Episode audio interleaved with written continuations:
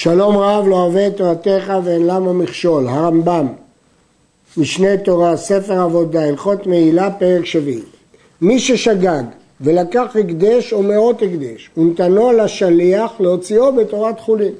נתן לשליח לקנות לו חפץ. אם עשה השליח שליחותו, המשלח הוא שמעל. יש פה חידוש. בכל התורה כולה אין שליח לדבר עבירה. אבל מעילה יוצא מן הכלל שיש בה שליח לדבר עבירה, כמו שאומרת הגמרא במסכת קידושין. לומדים את זה מהפסוק, ואשמה הנפש ההיא, רמז לאותו אשר שגג בתחילה וציווה להשתמש בו, הוא המועל. למרות שהשליח היה שליח לדבר עבירה, המשלח מעל. ואם לא עשה שליחותו, אלא עשה השליח מדעת עצמו, השליח שמעל, כיוון שהוא לא מילא את השליחות שלו. כיצד? בעל הבית שאמר לשלוחו תן לי מאותו בשר לאורחים, בשר של הקדש, והלך ונתן להם כיכר, או אמר לו תן לך להם כיכר של הקדש, ונתן להם בשר. אמר לשלוחו הבא לי מן החלון, זה חלל שבקיר, והביא מן המגדל, ארון. או שאמר לו הבא לי מן המגדל, מהארון, והביא לו מן החלון, השליח מעל וכן כל כיוצא בזה. כיוון שהשליח שינה מהשליחות, אז השליח בעצמו חייב. הלך השליח והביא מן החלון כמו שאמר לו. אף על פי שאמר השולח לא היה בליבי שיביא אלא מן המגדל. בעל הבית מעל, שהרי עשה שליחות מאמרו, דברים שבלב אינם דברים, לא אכפת לי מה חשבת, אכפת לי מה אמרת.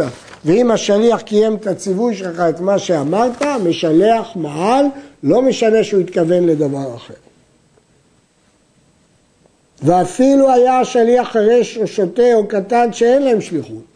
אם עשו כמאמרו, בעל הבית מעל.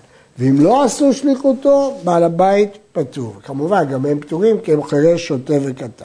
אבל אם חירש, שוטה וקטן שאין להם דיני שליחות, עשו את מאמרו, אומר הרמב"ם, במעילה זה לא תלוי בדיני שליחות. יהיה המועל מי שיהיה. המשלח חייב.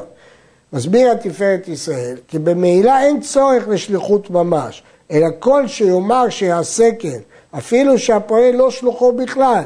אם הוא עשה את השליחות של בעל הבית, בעל הבית מעל.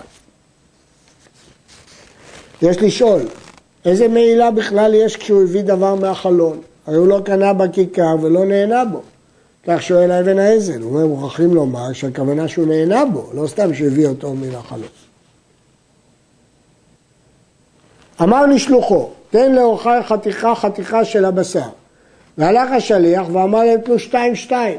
בעל הבית מעל, שהרי נעשה דברו, הרי בתוך שתיים יש גם אחת. אז הדבר, הציווי שלו יתקיים, והשליח פטור, מפני שהוא מוסיף השליחות בעל הבית, ולא עקר את השליחות. אבל אם אמר להם השליח תנו שתיים שתיים מדעתי, שניהם מעלו, כי אחד זה דעת בעל הבית ואחד מדעת השליח.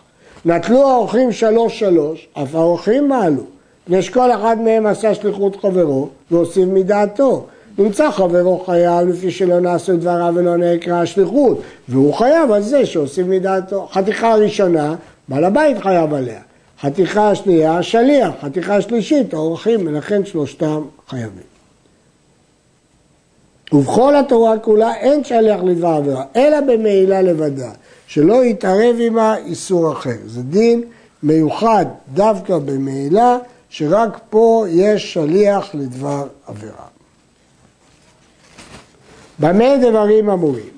בשהיו החתיכות מקודשי בדק הבית, בשר קודש שזה היה קודשי בדק הבית, אבל אם היו בשר עולה וכיוצא בו, לא מעל אלא אוכל בלבד, שהרי הוא חייב באיסור אחר יתר על המעילה, אסור לו לאכול עולה. אז אם הוא אכל עולה, יש לו איסור אחר. וכל התורה כולה אין שליח לדבר עבירה, אלא במעילה לוודא שלא יתערב עם האיסור אחר.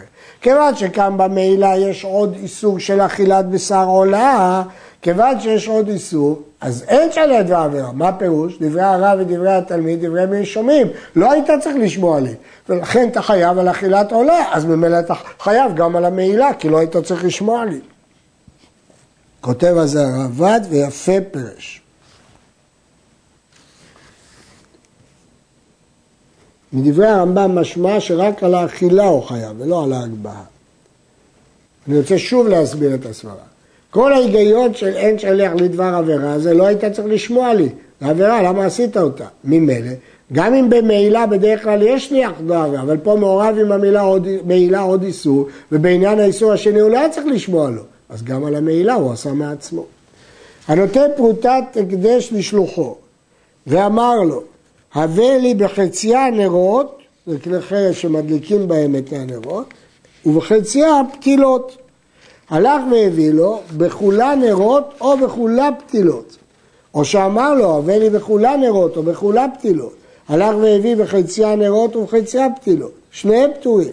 בעל הבית מעל, שהרי לא נעשית שליחותו בפרוטה. הוא הביא לו רק בחצי זה ובחצי זה, השליחות שלו לא התקיימה בפרוטה. למרות שהנרות והפתילות הם מעניין אחד. הוא לא עשה כדברי בעל הבית. והשליח לא מעל, שהרי לא עקר שליחותו בפרוטה. אבל אם אמר לי, יבא לי בחציה נרות ממקום פלוני, ובחציה פתילות במקום פלוני, והלך והביא נרות ממקום פתילות ופתילות ממקום נרות, השליח מעל, כי השליח שינה בפרוטה, כיוון שהשליח שינה בפרוטה, אז השליח מעל. נתן לו שתי פרוטות ואמר לו, הבא לי אתרוג. הלך והביא לו בפרוטה אתרוג ובפרוטה רימון. השליח מעל, כי הוא שינה בפרוטה. ובעל הבית פטור, שיש לך לקנות לו אתרוג ששווה שתי פרוטות. הוא אומר לו, אתרוג גדול הייתי מבקש, הבאת לי קטן ורע. לפיכך, אם היה אתרוג שהביא לו בפרוטה שווה שתי פרוטות, שניהם מעלו. המשלח מעל, כי הוא אמר לו ושליחותו התקיימה, והשליח מעל, כי הוא מעל בפרוטה. השולח פרוטה ביד שלוחו לקנות לו בחפץ, ונזכר בעל הבית שיהיה הקדש קודם שתגיע ליד החמבני. השליח מעל, שהוא שוגג, ובעל הבית כבר נזכר ואין המזיד חייב מעילה כמו שביארנו. בעל הבית שנזכר הפך להיות מזיד, מזיד פטור מקורבן מעילה, אבל השליח הוא שוגג, אז לכן השליח חייב. נזכר אף השליח וידע שהקדש קודם שתגיע לחבני, שניהם פטורים מקורבן מעילה כי שניהם שוגגים. והחנווני חייב כשיוציא אותה פרוטה שהתערבה במאותיו, שהרי הוא שוגג, לכן החנווני חייב ושניהם פטורים. הודיעו לחנווני שפרוטה שנתנו לו הקדש, שלושתם פטורים, כי שלושתם מזידים, ונתפס המקח להקדש. אף על פי שאין מעילה במזיד, אבל זה נתפס. הכסף של ההקדש תפס את המקח. כיצד יעשה כדי להציל החייבני מן החטא עד שמותר להשתמש בכל המורות? הרי יש פה מעש של הקדש, ואם הוא ייקח במקח, המקח יהיה הקדש.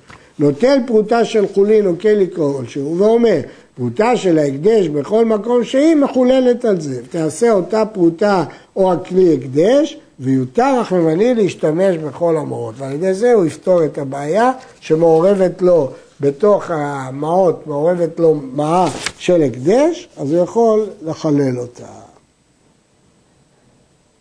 וכן פרוטה של ההקדש שהתערבה בכל הכיס, או שאמר פרוטה בכיס זה הקדש, מחלל אותה, ואחר כך ישתמש בכיס.